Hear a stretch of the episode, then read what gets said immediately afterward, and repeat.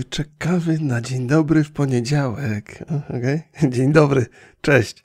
Witam Państwa bardzo serdecznie. Dobroci, same dobroci.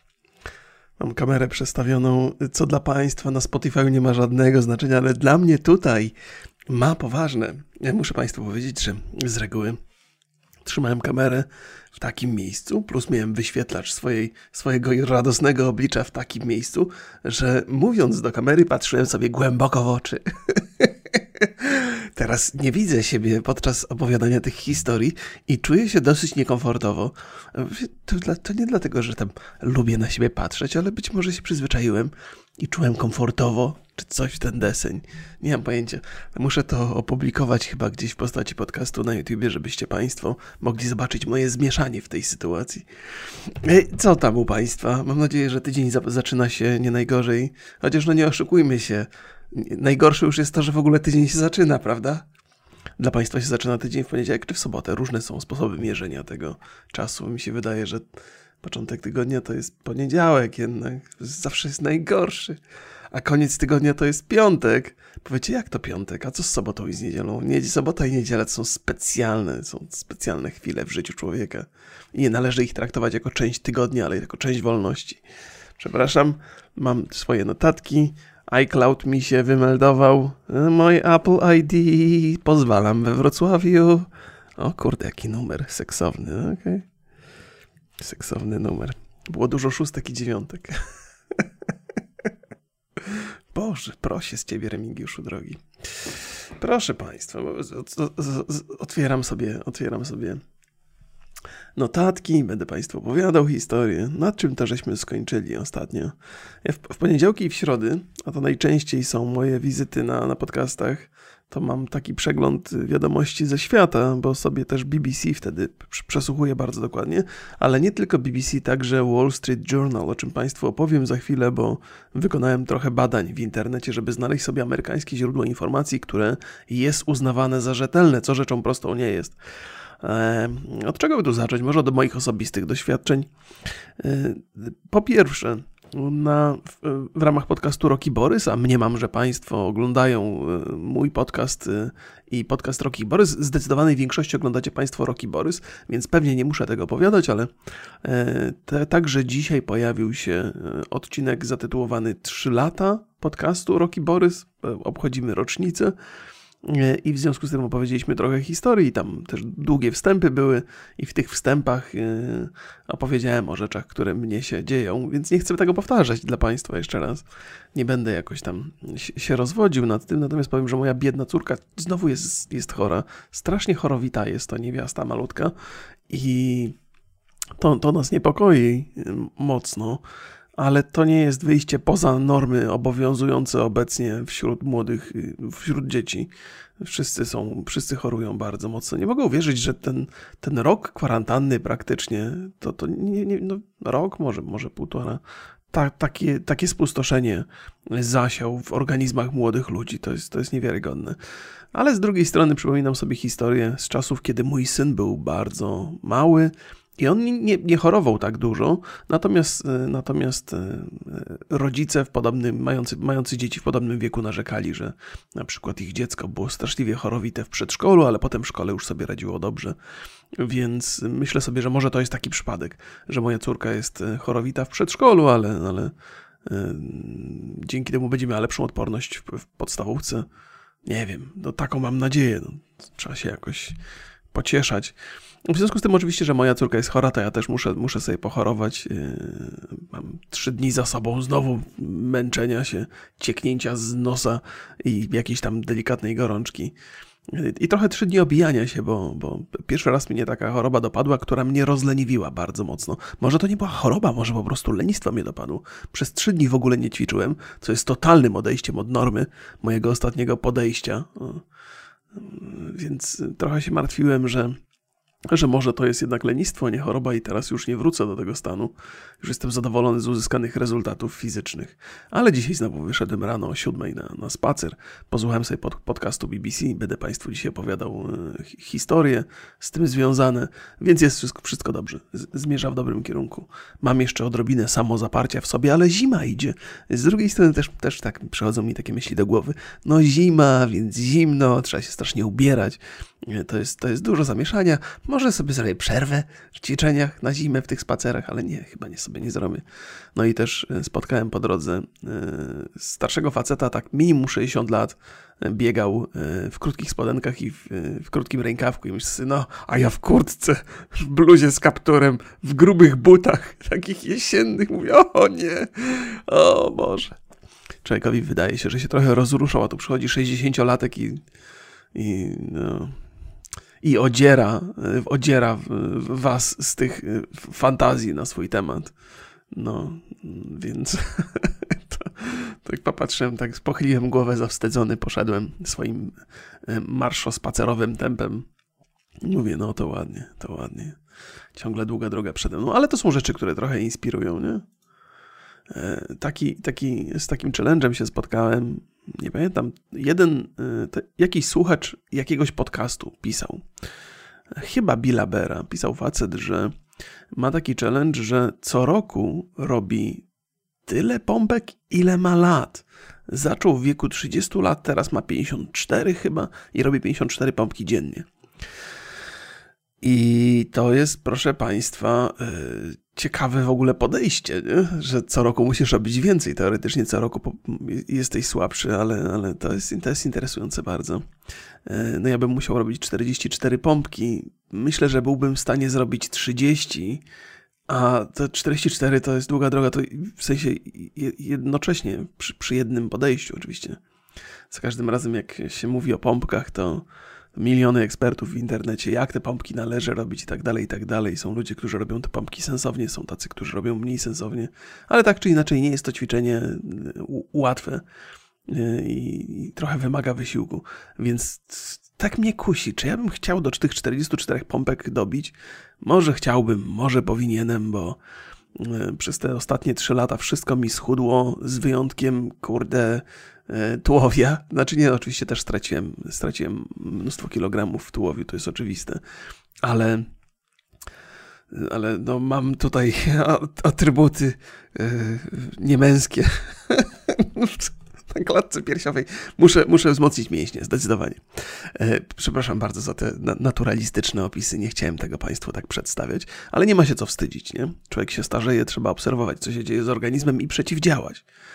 E, no więc e, zrzucanie kilogramów łączy się z tym, że nie wszystko chce się zrzucić z jednakową prędkością, nawet jeżeli się to robi powoli i systematycznie. Więc trzeba trochę doszlifować sobie ciało w niektórych miejscach. E, do czego zamierzam się, do czego zamierzam dążyć. Więc to, co mi to, co mi zostało do zrobienia, to mięśnie brzucha, klatka piersiowa, e, bicepsy to zawsze i barki to też zawsze. Więc najprostsze rzeczy. Ja uwielbiam, e, uwielbiam e, siłownię, którą jest nasz organizm, więc czekają mnie pompki, brzuszki, podciąganie się, no i ciężarki jakieś na bicepsy. To jest jedna rzecz, gdzie podnoszę coś więcej poza swoim ciałem. Ale też miałem taki mam taki kaprys, żeby raz w tygodniu chodzić na siłownię e, i tam tak przycisnąć trochę na większych ciężarach niż, niż tylko moje ciało. Zastanowię się jeszcze nad tym. Kusząca jest to perspektywa, a przy okazji wychodzenie z domu wiąże się jeszcze z, z czymś innym. Można spotkać ludzi, i poznać nowe historie i potem je opowiadać, więc ta siłownia mnie przekonuje właśnie z, z, tego względu. Ale bardzo nie lubię siłowni w większości miejsc, w których bywałem albo próbowałem być. Są bardzo nie, niefajne praktyki związane z, z płatnościami abonamentowymi i potem okresy wypowiedzeń są takie y, na tyle nieprzyjemne, że w rezultacie, jeżeli zrezygnujesz z siłowni w danym miesiącu, to y, w najlepszym wypadku musisz płacić jeszcze za kolejny miesiąc, bądź też za dwa miesiące. e, i nie ułatwiają tam życia, więc nie podoba mi się to bardzo, bardzo. Jakby rozumiem, że właściciele siłowni są przyzwyczajeni do tego, że dużo ludzi, ludzi się zapisuje i potem nie chodzi. I to jest bardzo kuszące, żeby od nich wyciągnąć trochę kasy, bo tam oprócz tego, że ci ludzie zapominają i cały czas próbują sobie wmówić, że jednak pójdę, że może warto płacić ten abonament, że może nie dzisiaj, ale może za tydzień, więc, więc to jest kuszące ciągnąć od nich kasę. E, I z drugiej strony też jest takie poczucie wstydu, że już nie byłem dwa miesiące na tej siłowni, teraz się pokażę, żeby się tylko wypisać, to też wstyd i hańba, to też.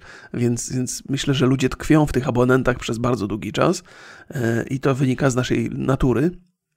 I właściciele siłowni bardzo mocno to wykorzystują. Mógłbym nawet e, pójść w taką tezę, że w wielu siłowniach to jest w ogóle podstawa utrzymania.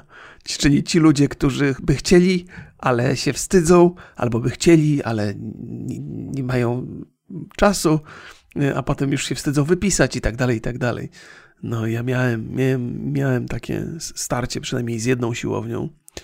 Nie pamiętam jak się nazywała, zresztą to nie jest istotne, nie chcę tutaj teraz nikomu, nikogo błotem obrzucać, nie o to chodzi, ale nie dość, że, że, że miałem duże problemy, żeby się wypisać, to jeszcze potem mnie uderzył jakaś instytucja zajmująca się ściąganiem długów, bo się okazało, że ten okres wypowiedzenia był dłuższy niż miesięczny e, w jakimś takim dziwnym, to w ogóle jakieś takie były. No i napisali do mnie, że panie Remigiuszu, tutaj 38 zł pan wisi. Dziady pieprzone. Ale zapłaciłem. Chciałem się trochę postawić, ale mówię, jaki to ma sens? To jest jakby instytucja, która zajmuje się ściąganiem tych pieniędzy, nikt mnie nie będzie pytał o zdanie, tylko y, gdzieś tam błyskawicznie ta sprawa zostanie ewentualnie rozpatrzona w jakimś sądzie niskiej instancji, wyciągną mi skąd te 38 zł i tylko będę miał, tylko będę miał ślad na wspomnieniach, że mnie ktoś tak zgwałcił finansowo, czy coś. E, no więc, no, ale dlatego nie lubię siłowni za bardzo. I tych wszystkich kart i tych abonamentów. Muszę sobie znaleźć takie miejsce, które jest, które się płaci za, za, za wizytę. E, no, no nie, no, no, no to proszę Państwa, proszę bardzo. Nie sądziłem, że w tę stronę pójdziemy z, z, z historyjkami. Więc tyle z moich, z moich osobistych doświadczeń, poza tym, co powiedziałem na trzy, trzylecie podcastu Rocky Borys. Eee, no, ale spoko. Fajnie jest, wrzuciłem, wrzuciłem, y, to też już mówiłem, ale pali mam ochotę. Wrzuciłem post na Instagrama porównujący moje zdjęcie z dzisiaj sprzed trzech lat. Jakby reakcja państwa na tym Instagramie jest jakaś, jakaś niesamowita. Tyle, ile lajków zebrało, to, to, to zestawienie zdjęć jest porażające. Ale faktycznie to jest chyba normalna sprawa, że ludzie w bardzo pozytywny sposób reagują na pozytywne transformacje fizyczne. To jest ciekawe. W ogóle ja jestem przyzwyczajony do tego, że internet zawsze jest podzielony. Niezależnie od tego, co się powie, co się napisze, to część osób jest taka, że super, masz rację, a część osób jest taka, o ty gnoju, ty parszywy świniaku. E, I to jest coś, do, do, czego, do czego się człowiek przyzwyczaja i traktuje to jako normę i nie przejmuje się za bardzo tymi głosami przeciw. Natomiast wrzucając takie takie zdjęcie, gdzie widać wyraź, wyraźną poprawę w stanie fizycznym i, i zdrowia, spotykam się z tak pozytywnym przyjęciem i tak wszyscy kibicują i biją brawo i, i dają e, lajki, e, że to mnie napała, znaczy napełnia mnie to pewnym optymizmem w odniesieniu do, do ludzkich zachowań, co jest... E, ten optymizm trochę mi umknął gdzieś przez ostatnie lata, właśnie w związku z tym, że zawsze jest taka silna polaryzacja, a tutaj proszę, jest jednak jakiś taki wspólny front. Y, wszyscy chcą się czuć zdrowo y, i sprawnie, i każdy objaw poprawy, taki ewidentny, obiektywny, y, postrzegają jako coś dobrego. Fajna sprawa. Ale to chyba nie w każdym miejscu w internecie takie zasady działają. Jak przypominam sobie Adele, która chyba jakąś nową płytę wydała zatytułowaną 30. Zadziwiające jest, że ja wiem to, mimo że nie słucham Adele. E, płyta zatytułowana 30, w której ona trochę tłumaczy się przed swoim synem z rozwodu. I, i, i skąd ja to wiem? w ogóle to jest przerażające, że ja to wiem. Dlaczego ja to wiem? Nie mam pojęcia. Słucham różnych głupot najwyraźniej. E, no i myślę sobie, okej, okay, spoko, no. To też jest jakaś metoda, żeby się tłumaczyć z, z, z, różnych decyzji życiowych, ale mówię to trochę ironicznie, bo wydaje mi się, że w takiej sytuacji dużo sensowniejsza byłaby rozmowa powtarzana wielokrotnie, analizowanie tego z drugą osobą, którą się być może trochę zraniło. No bo wiadomo, że małe dziecko to ranimy trochę rozwodem, ono nie, nie rozumie, y, na czym polega problem w relacjach dorosłych, ono tylko rozumie, na czym polega problem y, jego relacji z jednym dorosłym i z drugim, i że te relacje zostały zaburzone przez jedną ze stron. Więc tam jest zawsze gniew i zawsze jest smutek i zawsze jest obwinianie siebie samego. E, bo to chyba syn jest, więc mogę tak odmieniać. E, tak czy inaczej, e, więc uważam, że rozmowa byłaby lepsza, ale mylę się tutaj, ponieważ opieram to tylko i wyłącznie na własnych doświadczeniach. Adele jest artystką i przez muzykę wyrażała wiele różnych swoich przemyśleń i przeżyć, i to jest jej sposób na, na właśnie przekazywanie uczuć, więc może to jest najwłaściwszy w jej wydaniu sposób na to, by powiedzieć, co się czuje i dlaczego zrobiło się to, co się zrobiło. Więc to jest taka cenna lekcja dla mnie. E, chociaż właściwie wiedziałem to, ale to warto sobie zawsze powtórzyć, że każdy ma inny sposób przekazywania swoich emocji, uczuć i, i powodów e, postępowania i trzeba to akceptować. Nie ma co patrzeć z góry i powiedzieć, to nie dość, że się rozwiodła, to jeszcze teraz kasę na tym bije i bije kasę też na tym, że jej syn cierpi z powodu rozwodu. Nie można tak patrzeć, nie? Na rzeczywistość. Dużo osób tak patrzy. Może to wynika z własnych jakichś tam na pewno to wynika z jakichś własnych kompleksów, własnych problemów, nieprzewalczenia swoich własnych problemów. Nie? Ma nic gorszego, jak się nosi w sobie świadomość, że gdzieś się za, z, zawala w czymś, bo ta świadomość kilka rzeczy powoduje. Po pierwsze, źle się ze sobą czujemy. Zaraz powiem Państwu dokładnie o co chodzi, bo ja też mam swoje takie. Po pierwsze jest tak, że świadomość, że się coś zawaliło, jest bardzo bolesna i powoduje, że mamy gorsze samopoczucie. Druga sprawa, ta świadomość nie pozwala nam e, dokończyć tych rzeczy, bo sama myśl o tym, że mielibyśmy się za to zabrać, przywraca wspomnienie tego, tego bólu i niechęci do nas samych. Jest, jest dużo takich dziwnych, autodestrukcyjnych mechanizmów w nas, które nam utrudniają robienie rzeczy właściwych.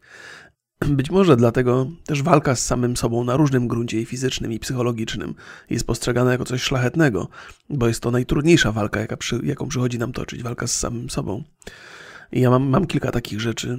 Teraz mam, jako że mam ciągle do rozwiązania sprawy z, z, z Urzędem Ochrony Konsumentów i Konkurencji, tak to się nazywa, albo konkurencji konsumentów, no to przez ostatni tydzień nosiłem to w sobie, że muszę zrobić pismo, muszę to wszystko wyjaśnić, zebrać te dokumenty i wczoraj spędziłem 3-4 godziny zbierając to wszystko mam gotowe, więc jestem zadowolony. Jeszcze dzisiaj nanoszę ostateczne poprawki na pismo do, do, Łokiku, wyślę to, i, i, będę miał sprawę z głowy, więc to trochę rozładowało moje napięcia. Mam też tak, że mam pewien harmonogram robienia filmów do, do, dla Polsatu w tym programie Rok w Gram, który realizuję już od pięciu sezonów. Teraz robię szósty. I przez to, że byłem chory przez dłuższy czas, to, to mi się trochę zaległości porobiły i te zaległości rosną, bo mam do oddania 12 programów do końca roku, mam 3 w pełni ukończone i 6 jakby w takich częściowo gotowych i muszę to dokończyć. E, jest to zdecydowanie za dużo. Ja mam z reguły dużo bardziej spójny harmonogram i wyrabiam się ze wszystkim.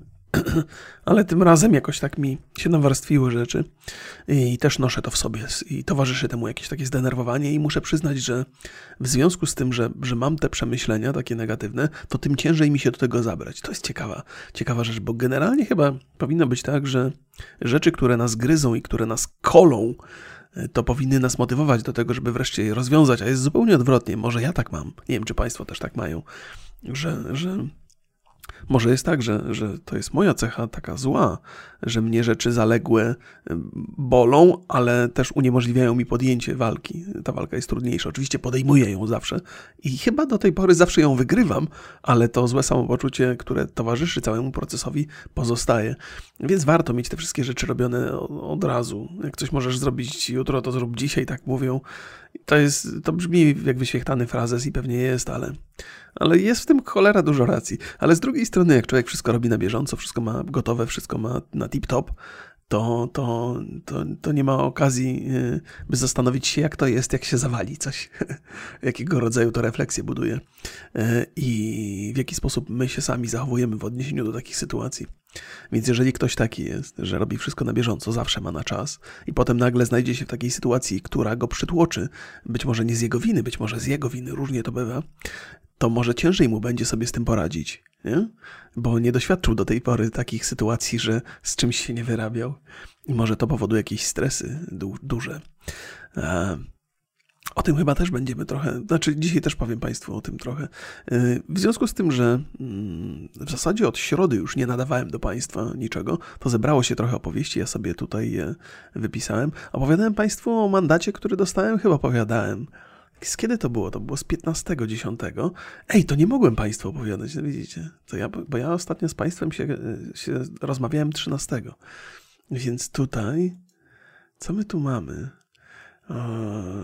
Okej. Okay. Widzę, że mam parę artykułów. O Jezu, o Jezu, to jest też, z którego? To też jest z 15.10, to też mogę Państwu opowiedzieć. Dzisiaj może być długi podcast, na to wygląda. Eee, zacznijmy sobie od rzeczy. Cały czas, mam, cały czas mam do opowiedzenia historię o polskiej granicy z Białorusią. Nie wiem, czy już coś wstępnie opowiadałem. Y, ale, ale to jest taka poważniejsza rzecz i trochę chcę się do tego bardziej przygotować, no ale śledzę tą sytuację. Gdyby Państwo byli ciekawi, co tam śledzę. W zasadzie planowałem nagrać podcast w piątek. Nagrałem tylko w poniedziałek i w środę, ale w piątek uznałem, że trzy podcasty tygodniowo, wbrew temu, co na pewno powiecie, to jest trochę za dużo. Widzę, widzę, że nie do końca wyrabiacie się z oglądaniem. Widzę, ile czasu potrzebujecie. Wiem, jaka jest średnia oglądalność podcastów i ile czasu potrzeba, by podcast nowy osiągnął tę oglądalność. Więc zajmuje Państwu dwa tygodnie, jakby do, dotarcie do tego wszystkiego. A jako, że ja lubię opowiadać o rzeczach bieżących, to mam takie poczucie, że zanim dotrzecie do tego podcastu, to on już się zdąży zestarzeć. Więc pomyślałem sobie, okej, okay, spokojnie, panie Remigiuszu. Ja wiem, ma, mamy ciśnienia, lubimy to robić, więc chciałbym robić jak najwięcej, ale dwa, dwa podcasty z Borysem, dwa podcasty moje własne, to jest coś, co spokojnie dostarczy państwa, Państwu mnóstwo materiałów mm, i nie, nie, nie, nie, nie zarzucę Was jakoś strasznie. Ja wiem, że ktoś zaraz mi napisze, że panie Remigiuszu, przecież ja to wszystko już ze dwa razy zdążyłem przesłuchać. Tak, wiem, wiem, wiem, wiem, wiem, wiem. Oczywiście, że, że są takie osoby, które lubią bardzo sobie posłuchać tego wszystkiego. E, ale nie, nie, ma co, nie, ma, nie ma co przesadzać. Też się boję trochę, że jak e, przesadzę, mimo że mam wielką ochotę, to, to, to gdzieś tam mogę się wypalić po drodze. Wiecie, to jest jak ze słuchaniem muzyki, która sprawia wam przyjemność. Też trzeba sobie dawkować to, bo może dojść do takiego momentu, że sobie zniesmaczycie muzykę jakoś strasznie, bo słuchaliście jej bardzo często. I to z perspektywy kogoś, kto nagrywa podcast, jest dokładnie ten sam proces. Ja mam wielką ochotę nagrywać podcastów jak najwięcej, ale boję się, że, że wypalę w sobie tę chęć i wręcz pojawi się jakiś niesmak we mnie, a tego bym nie chciał bardzo mocno. I z drugiej strony też Państwa podejrzewam o podobne podejście. Jeżeli ktoś jest bardzo mocno zaangażowany w słuchanie podcastów, to może, może mój głos w pewnym momencie być dla niego totalnie niesmaczny. Więc y, też, też muszę dbać tutaj o Państwa tutaj i ilość rzeczy, które Państwu dostarczam. Więc czasami, moi drodzy Państwo, e, robię coś, co wydaje Wam się nie do końca dobre, ale jest to dobre. w, dłuższym, w dłuższej perspektywie. Proszę mi zaufać, mam doświadczenia. Robiłem rzeczy w internecie od lat. E, w Chinach, e, w Chinach jest kult pewnej sprawności fizycznej, to bardzo często, dobra, o Chinach bardzo często opowiada się w kontekście gospodarki, polityki, ekonomii, tego jak tam, tego komunizmu, tego jak się pracuje w Chinach, ale tam jest też cała gruba warstwa rzeczy związanych z kulturą, z podejściem do, do tego, kim jest człowiek, co należy robić ze swoim życiem i jak. Więc w Chinach panuje kult y, sprawności fizycznej i dobrej sylwetki. Trzeba dobrze wyglądać, żeby być popularnym człowiekiem w Chinach. bo to jest dosyć istotne. Tak przynajmniej w artykule się pojawiło na BBC CO UK. E, e, jest taka wzmianka, ale ta wzmianka jest, e, pojawiła się w obliczu takiego boys bandu w Chinach, który się nazywa Produce Pandas, tak się oni nazywają. I są to muzycy, są to piosenkarze, którzy mają rozmiary plus, tak się mówi, plus size music, musicians. I mówię, dobra, zobaczę, co to za plusy tam, jakie to są sylwetki, że to aż wymaga wzmianki w artykule.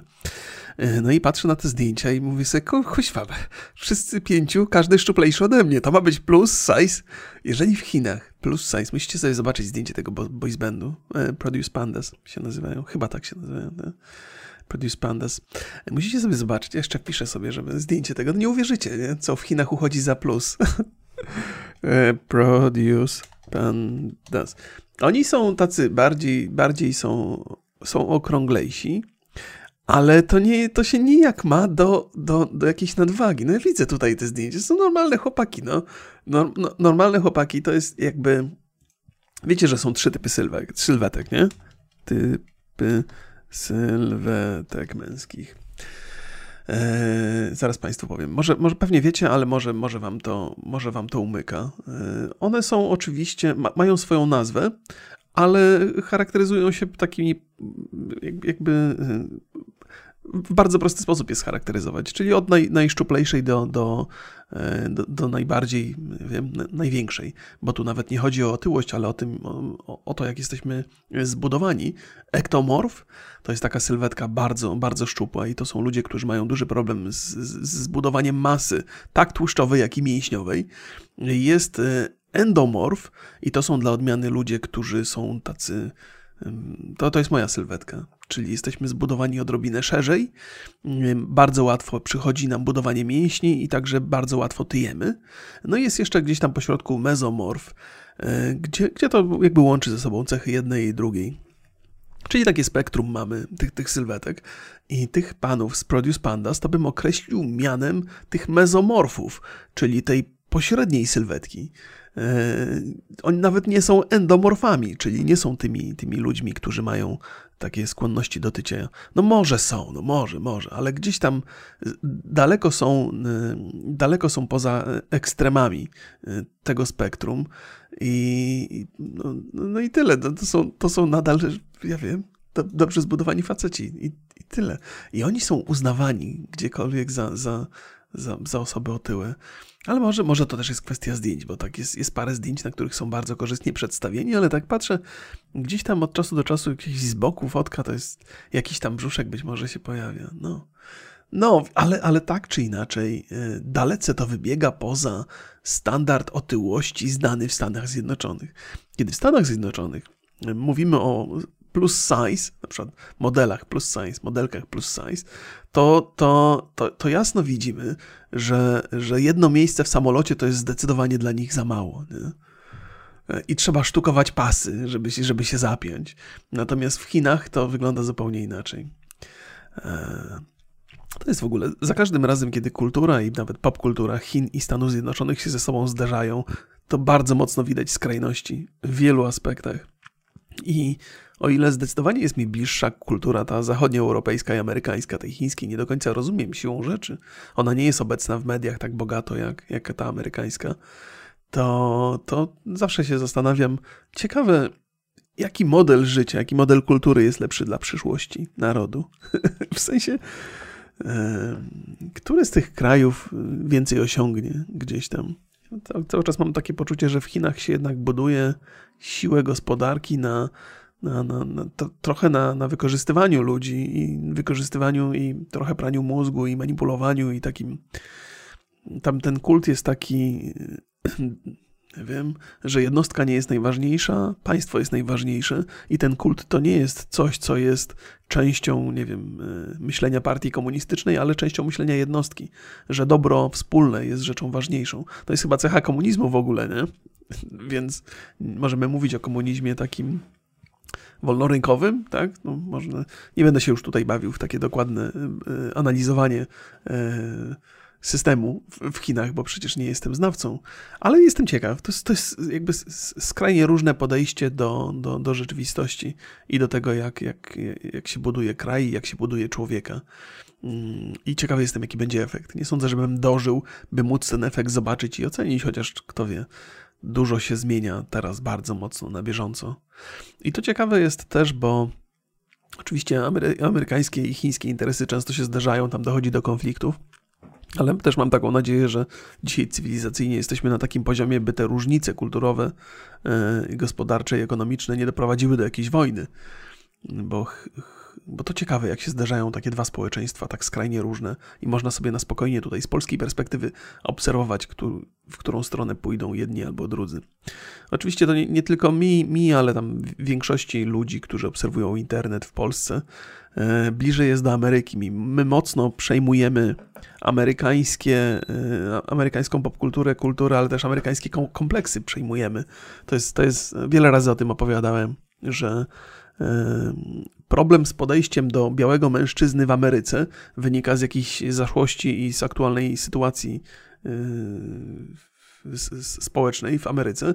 Natomiast te kompleksy białego mężczyzny polscy młodzi mężczyźni przyjmują bardzo łatwo, jakby były ich własne, a w zupełnie innym miejscu funkcjonujemy. Natomiast w zupełnie innym miejscu i w zupełnie innych warunkach. E, no ale to jest tak, to jest e, wyraźnie widać, jak niezwykle silny wpływ popkultura ma na życie młodych ludzi, pewnie starszych też. Że możemy brać cudze problemy i doskonale je komponować z własnym życiem, podczas gdy nasze doświadczenia i świat, który nas otacza, jest zupełnie inny. To jest interesujące. Chciałbym kogoś mądrego, yy, kto się zna na tych sprawach, yy, kiedyś wypytać o to. I może to jest dobre miejsce, do, dobra okazja, żeby iść na siłownię. Może tam spotkam jakiegoś znawcę y, kultury amerykańskiej i chińskiej i mi wysnuje jakieś refleksje związane z tym. Nie no, żartuję. Żartuję oczywiście, to, to brzmi jakbym ironizował z tam z mięśniaków na siłowni, to nieprawda. To... Znaczy lubię sobie pożartować y, w tej sprawie, ale jak jeszcze zdarzało mi się chodzić w przeszłości na siłownię, to mnie zawsze rozwalały rozmowy w szatni i one zawsze były takie namaszczony prostactwem. Jakoś tak. I to jest stereotyp straszny, ale, ale no tak było. To już o karotenie, jakieś takie wulgarne rozmowy. Ja nie wiem, jak o karotenie można w wulgarny sposób rozmawiać, ale, ale łapałem się za głowę czasami. to jest chyba, e, przepraszam za to Państwa, najgorsza opowieść, opowieść to jest opowieść niedopowiedziana, czyli mam coś w głowie, mam jakiś obraz, ale nie chcę tego do końca opowiadać, bo boję się, że coś, moje wspomnienia zakrzywią, jeszcze przy okazji mogę zranić tych, którzy lubią chodzić na siłownię i odnajdują się tam bardzo dobrze, a ja tutaj takie głupoty opowiadam. No różne mamy doświadczenia, moje nie, nie do końca muszą być zgodne z prawdą, są często zgodne ze stereotypami akurat w tym przypadku. To może być przypadek. Eee, co ja tu mam? Właśnie, dostałem mandat, ja pierniczę. Y, musiałem coś załatwić w mieście, y, w jednym miejscu. Tam, gdzie, gdzie miałem i mam lokal, w którym żeśmy nagrywali podcasty kiedyś z Borysem. On teraz trochę, trochę tam było awarii po drodze, w związku z tym, że był nieużywany i ten lokal trzeba wyremontować, żeby się nadawał do użytku. Y, ale od czasu do czasu muszę się tam pojawić, żeby coś sprawdzić. Tam był jakiś przegląd sieci gazowych i elektrycznych, więc musiałem tam być, pojechałem. I wy, zanim się wybrałem tam, to jest tak w, w, okolicach 4 km od mojego domu, więc mówię mojej żonie: Słuchaj, przejdę się tam, bo to sportowo i zdrowo yy, i załatwię sprawę i wrócę i będę miał 8 km zrobionych. To jest fajna, fajna sprawa. Moja żona mówi: Nie, nie idź tam na piechotę, zajmie ci to za dużo czasu. W ogóle weź Ole, wsiądźcie w samochód i sobie pojedziecie. I to jest coś takiego, co normalnie bym zaprotestował. Powiedziałbym, nie, kochanie, idę i koniec. Natomiast jak już moja żona wykorzystuje naszą córkę, to myślę sobie, no dobra, no to przynajmniej dwie rzeczy załatwię. Będę z córką, trochę spędzę czasu. W samochodzie ja zawsze lubię z nią jeździć, bo ona śpiewa piosenki albo sobie opowiadamy różne rzeczy. I to jest niezwykle zabawna rozmowa z trzylatką. Yy, I która jest waszą córką, bo zakładam, że rozmowa z trzylatką, która nie jest waszą córką, jest średnio fascynującym przeżyciem. E, więc to po pierwsze. Po drugie, też trochę odciążę moją żonę. Ja, jak moja córka jest chora, no to te przedpołudnia spędzają wyłącznie same. E, no i moja żona ma prawo być zmęczona, więc powiedziałem: OK, dobra, to są sensowne argumenty, nie podoba mi się to, ale, ale pojadę. No i zabrałem córkę. Oczywiście, mm, oprócz tego, że chciałem się przejść te 4 km, to jeszcze na miejscu e, nie ma totalnie gdzie zaparkować. To jest takie osiedle trochę nieprzemyślane, gdzie powstało dużo bloków mieszkalnych i niestety e, nie, nie ma wystarczająco garaży podziemnych, nie ma wystarczająco dużo miejsc na parkingu. Akurat dałbym się pokroić, że już to Państwu opowiadałem, ale, ale nie mam pewności, więc najwyżej usłyszycie dwa razy tę samą historię. Tak czy inaczej. Wiem, że tam się fatalnie parkuje. Ale mówię, dobra, jadę, jadę. No i oczywiście wjeżdżamy na miejsce z moją córką i mówię, patrz kochanie, nie ma w ogóle, nie ma gdzie zaparkować, nie ma miejsca, co my teraz zrobimy, co my teraz zrobimy. No i ona się oczywiście wtedy angażuje, o tu jest miejsce, tam jest miejsce, mówię, tutaj to by się co najwyżej rower zmieścił, jedziemy dalej, szukamy, no i e, z jedyne miejsce, jakie znalazłem, jedyne, jedyne i tak się musiałem wciskać, to na takim, na, na chodniku stanąłem koło jakiegoś placu budowy, wyszedłem, załatwiłem sprawę, zajęło mi to 15 minut. Wróciłem, mandat już był przy, za, za, oknem, e, za, za wycieraczką. Nie mogłem uwierzyć. 15 minut. Ciule, kurde, ze Straży Miejskiej. O, przepraszam. To jest w ogóle historia. To jakby. Kurde, to jest takie osiedle, w którym, na którym naprawdę nikt tam nie parkuje dla przyjemności. To nie jest tak, że, że no tam się przyjeżdża coś załatwić i się spada stamtąd jak najszybciej. To nie jest jakieś super fajne wizualnie miejsce, że tam się, nie wiem, jakieś trasy turystyczne są czy coś. Nie, no tam się przyjeżdża, załatwia sprawę. A oni wiedzą, wiedzą, że tam nie ma. Ci goście ze Straży Miejskiej wiedzą, że tam nie ma miejsc do parkowania i oni robią rundkę po takim osiedlu i robią mandatami po wszystkich i wiedzą, że z tego jest kasa. I to jest taka, taka sytuacja, która wzbudza mój ogromny protest. Oczywiście, że tam ludzie ze Straży Miejskiej niczemu nie są winni, to, to ich zadanie jest wystawiać mandaty, ale to, to, to, że ja nie mam gdzie zaparkować, to jest wina miasta, wina tego, że zbudowano osiedle, na którym totalnie nie ma miejsca, nawet dla mieszkańców. E, no i od czasu do czasu muszę coś załatwić. W zasadzie, w związku z tym, że ja mam ten, tam lokal, to przynajmniej w teorii powinno być tam wyliczone jedno miejsce, w którym ja powinienem móc zaparkować. Nie? Jeżeli sprzedają lokal, czy sprzedają jakieś mieszkania, to biorą pod uwagę to, że każdy z właścicieli tych miejsc ma jakiś pojazd. Więc to powinno być wkalkulowane przynajmniej w te podstawowe parkingi, ale czasami ludzie mają po dwa samochody, czasami więcej. No, no nie ma miejsca. No tak czy inaczej jest tego zdecydowanie za mało ja powinienem, nie wiem, przekazać ten, ten, ten, ten mandat urzędowi miasta czy coś. Ale to a propos mandatów. No więc oczywiście przyjechałem do domu i mówię, patrz, dostałem przez ciebie mandat. I teraz nie dosyć, że ten, ten, te mandaty od Straży Miejskiej to nie są takie mandaty, że dostajesz numer konta, masz wpłacić i masz z głowy. Nie, masz kurwa tam pojechać i się zgłosić do nich i u nich się zameldować. Ja, ja, nie mam, to jest najgorsze w tym wszystkim, bo ten mandat pewnie to ze stówę kosztuje. No to nie jest fajnie zapłacić stówę, ale ja muszę zmarnować pół dnia, żeby do tego zastranego. Przepraszam, to ja znowu się na Straży Miejskiej wyżywam. Wiem, że to nie jest ich wina. Ale muszę do tego zasranego miejsca pojechać i się przedstawić i powiedzieć, na czym polega problem i zapłacić, nie? A oni jeszcze patrzą na mnie z góry, że o, no, trzeba, musi się pan nauczyć dobrze parkować w odpowiednich miejscach. Bo to ja cię zaraz no jakim prawem nie będzie patrzył na mnie z góry? Już tak miałem raz taką sytuację, właśnie płaciłem mandat za... Już nie pamiętam, czy wtedy byłem bardziej brałem, brałem to na klatę niż teraz. Teraz odrzucam. Czuję się tutaj przez, przez, przez miasto, czuję się zaszczuty w tej akurat konkretnej sytuacji. Wtedy chyba byłem w bardziej oczywisty sposób winny. Pan licho, no nieważne, nie?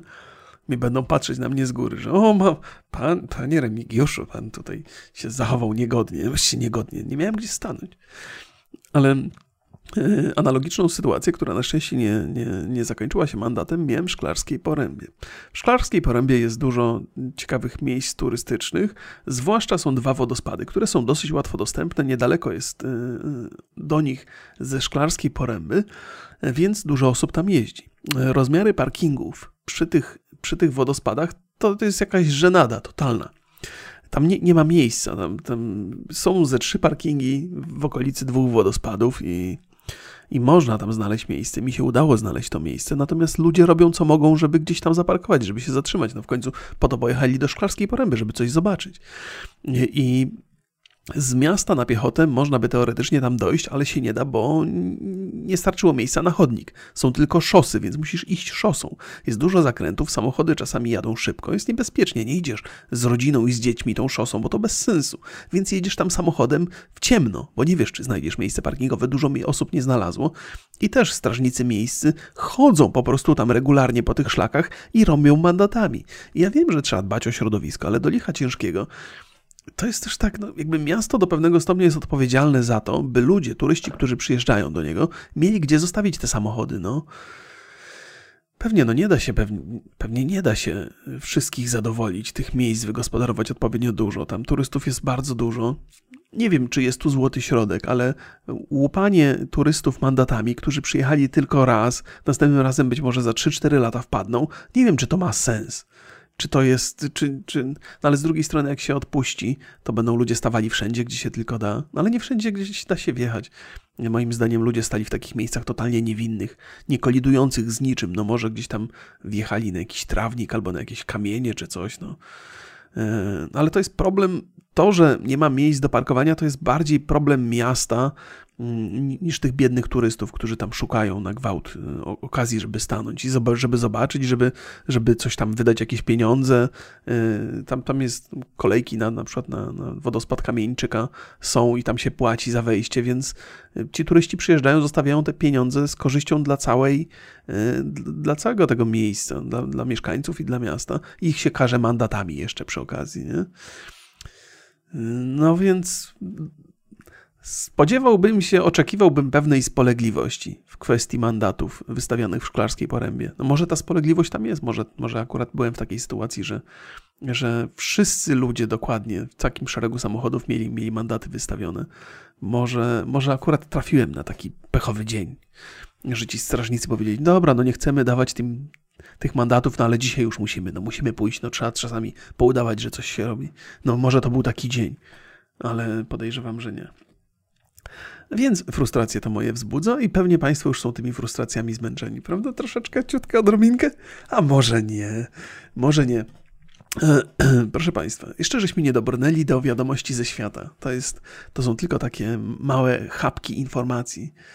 Eee, Dużo się dyskutuje na temat przepaści y, płacowej. Tak to się chyba polski, na polski język tłumaczy, bo, bo w języku angielskim to jest y, pay gap i to jest bardzo proste i bardzo zrozumiałe, bo to jest przerwa cenowa, znaczy przerwa wypłat. Nie, nie wiem, jak to przetłumaczyć dosłownie. Rozumiem to. No, przepaść, y, przepaść wynagrodzeń to jest przepaść albo nie wiem jak to. No, wpiszmy to na, jak to, jak to tłumacz Google'a, tłumaczy pay gap. E, tłumacz. No, mam to dodane gdzieś. Dobra, wpiszmy sobie z języka angielskiego na polski. Pay gap. Jak to zostało? Różnica w wynagrodzeniu. No to najprost, najprościej. Różnica, przepaść wynagrodzeń. Ale mi się właśnie gap mi się kojarzy z taką. Ale dobrze, nieważne z czym mi się kojarzy, ważne co to znaczy. No, różnica w wynagrodzeniu. Takie, to takie, takie rozczarowujące jest to, powiem Państwu. Bo Pay gap brzmi tak znacząco, się, często to jest, to jest taki zwrot, który jest, to jest taki zwrot klucz, który znaczy coś, coś ważnego, a różnica w wynagrodzeniu to tylko zbitka słów. E, więc pay gap. E, jest dużo dyskusji na temat tych, tych, tych, tych różnic, e, dużo poglądów z różnych perspektyw. Chyba jest takie przekonanie, że kobiety zarabiają mniej, ale z drugiej strony, na tych samych stanowiskach, ale z drugiej strony jest mnóstwo bardzo sensownych argumentów na temat tego, w jaki sposób mężczyźni podchodzą do pracy i w jaki sposób kobiety podchodzą do pracy, i ta różnica uzasadnia trochę e, kwestię wynagrodzenia. I muszę powiedzieć, że słuchałem bardzo wielu materiałów, w których e, zwracano uwagę na różnicę w wynagrodzeniach, że ona faktycznie istnieje i widziałem bardzo dużo kontrmateriałów, które zaprzeczały wszelkim tezom tych pierwszych filmów. Więc w zasadzie, nie badając tego tematu super dokładnie, trudno wyrobić sobie opinię.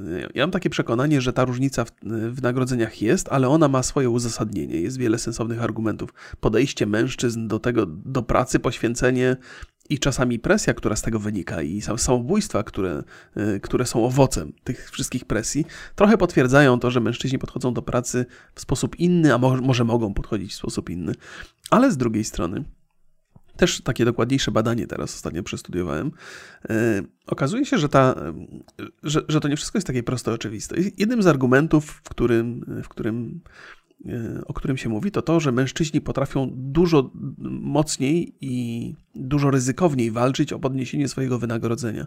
Że jak mężczyzna chce zarabiać więcej, to jest gotów postawić wiele na jedną kartę. Jest gotów powiedzieć, dobra, to odchodzę, nie? to pierniczę to, to, to rzucam pracę. Kobiety nie są skłonne do tego typu ryzyka i dlatego mężczyźni są w stanie wywalczyć więcej, bo, bo ryzykują więcej, co ma czasami bardzo niewesołe konsekwencje, jeżeli, ta, jeżeli się zagrawa bank i, i nie wyjdzie.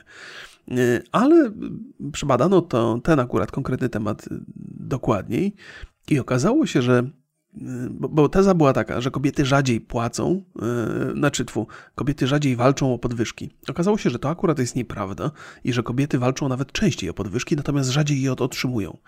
To znaczy, podejmują tę walkę, ale nie są w stanie jej wygrać tak często. E, I to powoduje jakąś różnicę. E, druga kwestia, która jest dosyć ciekawa, to to, że jeżeli mężczyzna i kobieta są zatrudnieni na tych samych stanowiskach, stanowiskach jakichś takich zarządzających, to jeżeli dostają zespoły, którymi mogą kierować, to mężczyźni dostają z reguły większe zespoły niż kobiety. To znaczy, to są te same stanowiska, te same funkcje, ale zarządzają mniejszymi zespołami. W związku z tym, gdzieś tam prędzej czy później prowadzi to do, do różnicy w wynagrodzeniu, i ta różnica jest uzasadniona, jeżeli weźmie się pod uwagę to, iloma osobami się kieruje. Ale od samego początku jakby jest ta jakby zauważalna statystycznie różnica e, ze względu na odpowiedzialność projektów, jakie się oddaje kobietom i poddaje się mężczyznom. I, i, to jest coś, co zostało w tym badaniu potwierdzone, i oczywiście, że pewnie da się to jakoś podważyć, bo to jest temat, który jak, jak, jak go badam raczej z perspektywy obserwatora y, i, i, słucham opinii różnych ludzi, którzy się wypowiadają w tych sprawach, więc to jest też pewnie coś, co można, y, co można jakoś uzasadnić i wytłumaczyć, i, i, i ma to swój sens. Natomiast zacząłem się zastanawiać trochę, jak do tego podejść w sposób neutralny, tak żeby nie, nie, nie urazić ani jednej, ani drugiej strony, bo tu trzeba dbać o uczucia najwyraźniej obu tych stron. Wydaje mi się, że mm, jakby ca cała, cała ta, ta biznesowa właściwie rzeczy związane z pracą, z tym jak pracujemy, cały, cały biznes, jak się prowadzi firmę, jak się funkcjonuje w firmach, to jest wynalazek, który jest bardzo stary, ale to jest wynalazek, który został opracowany mm, przez mężczyzn i w zasadzie działa na bazie tego, y, w jaki sposób mężczyźni funkcjonują. To jest taki, mm, te, te wszystkie mechanizmy w biznesie to są, to są takie mechanizmy, które wykorzystują y, które dobrze wykorzystują pozytywne cechy mężczyzn i też w negatywny sposób wykorzystują negatywne słabości mężczyzn. Czyli to jest tak jakby że to jest taka, taka zabawa trochę wymyślona przez facetów. Y, I ona, ona do dzisiaj y, działa, i kobiety, które trafiają do tego świata i chcą konkurować z mężczyznami, muszą się stać trochę mężczyznami. To znaczy, muszą podzielać te cechy męskie, y, które, które ich koledzy posiadają. Nie, nie wiem, czy nie upraszczam i nie wiem, czy, czy, tu, czy tu błądzę, mm, czy tu nie błądzę czasem. I jeżeli błądzę, to, to nic nadzwyczajnego. Jeżeli mam trochę racji, to może być tak, że e, pod wpływem tych zmian, które następują w społeczeństwie, to w jaki sposób funkcjonuje biznes, jak my patrzymy na biznes, też się trochę zmieni. Znaczy, to, to, to nie jest kwestia e, starcia mężczyzn i kobiet, tylko e, to jest kwestia trochę, mm, nie wiem, wrzucania do biznesu cech kobiecych. I jeżeli ten biznes będzie porówno męski i kobiecy, w sensie tego, w jaki sposób funkcjonuje, jakie cechy są pożądane w nim, to, to ta różnica w wynagrodzeniach zniknie. Ona, on, ona, ona, jeżeli jest faktycznie, no to wynika z tego, że, e, no, że, że, że kobiety ciągle są w biznesie czymś nowym. Jakby w obliczu. Oczywiście, że co to znaczy coś nowego, nie? To znaczy ostatnie 10 lat, ostatnie 20, ostatnie 30. Ostatnie 30 lat to jest coś nowego w biznesie i to kobiety pojawiają się coraz częściej. Wydaje mi się, że, że prędzej czy później dojdzie do, do równowagi w tym, w, tym, w tym wszystkim. Jest na pewno dzisiaj lepiej niż było tam 30 lat temu, więc to, to oznacza, że zmierzamy w dobrym kierunku. Nie wydaje mi się, żeby dyskusje na temat tych, e, akurat tych różnic wynagrodzeń wymagały aż tylu emocji, jakie tam się odbywają że, że jest jedna strona, która twierdzi, że te różnice są duże i trzeba natychmiast zakopać e, te, te, te różnice, a jest druga strona, która mówi, że, że, że wcale nie są duże, że jest dużo argumentów przemawiających za, za, za większymi męskimi zarobkami i że musimy przy tym pozostać, a mi się wydaje, że to, że to jest coś, co się naturalnie zmieni. E, przez zwiększoną obecność kobiet w, biznesie to się musi naturalnie e, jakoś wypośrodkować. Bo, bo, no bo taki, taka jest naturalna kolej rzeczy. Nie? Przy, przy te, te wszystkie y, struktury społeczne przyjmują charakterystykę ludzi, którzy w tych strukturach występują najczęściej. Jeżeli mężczyzn było więcej przez jakieś tam lata, no to ma to cechy męskie. Gdyby było więcej kobiet, ma to cechy żeńskie. Jeżeli jest taka sama ilość kobiet i mężczyzn, to jest tutaj równowaga. E, a chyba do tego, do tego zmierzamy w biznesie. Może wolniej niż niektórzy by chcieli, może szybciej niż niektórzy by chcieli ale, ale do jakiejś równowagi zmierzamy. Tak czy inaczej, e, to o czym chciałem opowiedzieć, to nie tam jakiś tam sensowne wnioski. Nie chciałem wyciągnąć sensownych wniosków, jeżeli mi się udało to przez przypadek. Jedyne, co chciałem powiedzieć, to, że y, argumenty obu stron w tym konflikcie nie zostały jeszcze do końca wypisane wszystkie. Y, czyli, czyli cały czas pojawiają się nowe badania, nowe przemyślenia w tym zakresie, więc fajnie się to obserwuje. Jest, jest, jest to pewna ciekawostka. Chciałem tylko powiedzieć Państwu, że nie ma co się frustrować, y, że wszystko wskazuje na to, że z czasem będzie coraz lepiej, a ciągle jesteśmy w okresie przejściowym i trzeba się z tym pogodzić. Nie? Ale to też jest tak, że. Hmm, chyba mamy taką skłonność, by żyć w świecie, który jest idealny dla nas. Czyli jeżeli mamy poczucie, że coś w tych trybach e, społecznych nie działa tak, jakbyśmy chcieli, to bardzo mocno mm, walczymy o to, żeby, żeby to się zmieniło jeszcze, jeszcze za naszych czasów, żebyśmy doświadczyli tej zmiany. Może tak, może nie. Eee, dobra. Co my tu mamy? O! O, zaraz. Mam dwie rzeczy do powiedzenia. Chyba dzisiaj nawet przeglądu wiadomości nie zrobię, bo już 50 minut do Państwa gadam, a, a ciągle jeszcze zaległe tematy mi się pojawiają. Co by to Państwu teraz? E, Pedro Sanchez to jest jakiś, to jest, e, to jest hiszpański minister, znaczy premier, premier, prime minister. Będzie rezygnował czy rezygnował. Prostytucja stanie się nielegalna. Najwyraźniej prostytucja w Hiszpanii jest legalna. Myślicie sobie, to co ja mam, co ten Remigiusz ma w tej sprawie do powiedzenia akurat prostytucji w Hiszpanii. Ja mam coś do powiedzenia na temat prostytucji, w sensie, w sensie takiej perspektywy y, nieuczestnika, broń Boże, ale y, jakby jaki taki, jakby jedną z tez y, zbudowanych wokół tego całego procesu jest ta informacja, że kobiety stają się jak to jest? E, aha, że, że prostytucja, że prostytucja to jest taka praktyka, która jak to jest ładnie, enslaves, ale tu nie chciałbym, bo to nie jest proces niewolniczy, tylko poniża trochę, trochę uzależnia kobiety od tego, od tego sposobu życia. Jak to? Miałem takie fajne tłumaczenie w głowie i teraz, teraz mi umknęło. Tak czy inaczej, no, stawia, stawia kobiety w bardzo, bardzo niedobrej sytuacji. Prostytucja. I teraz chciałbym powiedzieć, że że owszem, jest w tym dużo prawdy, natomiast w dużo gorszej sytuacji kobiety stawia prostytucja nielegalna niż legalna. To znaczy, możemy uznać, że, e, e, że prostytucja to nie do końca jest coś fajnego, ale z drugiej strony jest to zawód, który ludzie mogą wykonywać dobrowolnie, wtedy, kiedy jest legalna. Bo kiedy jest nielegalna, to jest dużo więcej osób, które ten zawód wykonują niedobrowolnie, tylko są gdzieś uprowadzane, więc najlepszym sposobem na, na walkę z prostytucją taką, taką bardzo patologiczną jest e, zrobienie jej legalną bo wtedy można to kontrolować w jakiś sposób. I pewnie nawet w tej legalnej konstytucji, znaczy prostytucji, konstytucji, Boże, Prostytucja, konstytucja, to ciekawe, ciekawe.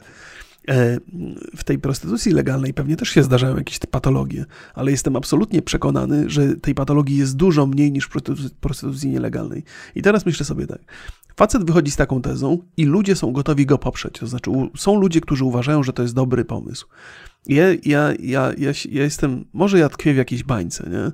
Może państwo też tkwią w podobnej walce w podobnej bańce jak ja, ale nie wydaje mi się, by ktokolwiek logicznie myślący uznawał, że y, prostytucja nielegalna jest czymś lepszym od, od, prostytucji legalnej. I teraz tak, oczywiście ten, ten, ten premier Hiszpanii, on nie twierdzi, że prostytucja nielegalna jest lepsza. Tylko, że prostytucja będzie zawsze. To nie jest tak, że wyślemy policjantów do każdego narożnika na każdej ulicy i będziemy pilnowali, bo to się nie da zrobić. Jeżeli nie będzie prostytucji legalnej, to będzie, to, to będzie mnóstwo nielegalnej. I to jest krok w bardzo niewłaściwym kierunku.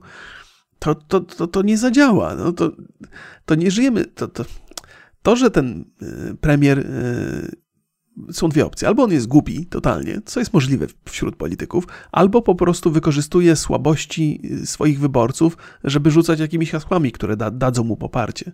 To, to, to on musi sobie zdawać sprawę, że brak, brak legalizacji prostytucji skończy się źle dla wszystkich, którzy pracują w tym zawodzie, dla całej tej branży, że to rozwinie organizacje przestępcze, że to jest pompowanie kasy do kieszeni przestępców, to jest pompowanie kasy do ludzi, którzy wykorzystują, porywają kobiety no to nie, nie, ma, tak, to, no to Tak jak, z, tak jak z narkotykami, z marihuaną i tak dalej, i tak dalej. No, no, nie wiem, może ja żyję w, jakiejś, w jakimś świecie fantazji, ale w moim mniemaniu to jest y, jeden z gorszych pomysłów, z jakim się spotkałem ostatnio.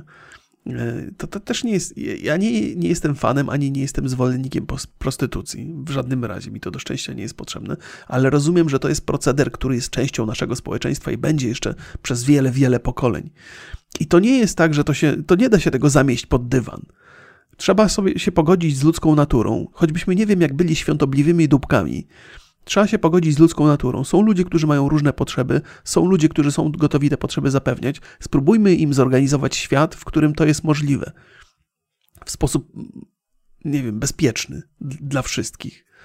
E, no i tyle. No oczywiście są pewne skrajności, z którymi trzeba walczyć. Są różne ludzkie potrzeby, czasami takie bardzo ekstremalne i nie wolno dopuszczać e, tego. Są ludzie, którzy na przykład lubią mordować innych i pewnie znaleźliby się tacy, którzy za odpowiednią kasę dla swojej rodziny byliby się gotowi dać zabić, nie? I to już jest oczywiście przekroczenie pewnej granicy, ale prostytucja nijak się nie zbliża do tego, do, do tego akurat konkretnego przypadku. Więc, więc to, to, to, nie ma sensu ta, ta walka. To jest jakaś, jakaś durnota. Jestem pewny, że ten polityk wie o tym, że to jest durnota, natomiast wiem, znaczy podejrzewam, że on rozumie, że to kupi wyborców mu więcej, więc jest gotowy poświęcić los ludzi zaangażowanych w legalną prostytucję na, dla swoich własnych korzyści. Yy, I to jest obrzydliwe. Nie? Jedyne, co go, jedyne, co go usprawiedliwia, to to, że być może jest po prostu głupi. Jeżeli jest po prostu głupi, to fantastycznie nadaje się na polityka, to po pierwsze. Po drugie, no okej, okay, no co, co zrobisz? No, głupi to głupi, no tak myśli, więc jego sprawa. Nic na to nie poradzisz. E, ale myślę, że głupi nie jest, no ale kto wie? Kto wie? Kto wie? Może. Przecenianie polityków to jest najgorsza rzecz, jaką można zrobić. To co, proszę Państwa? Idziemy sobie dalej tymi ciekawymi opowieściami. Być może one są ciekawe, może niekoniecznie. No nie dam rady dwóch podcastów robić tygodniowo. Muszę robić co najmniej trzy, bo to mi się, tu się, mnie, mnie, mnie się to nie mieści.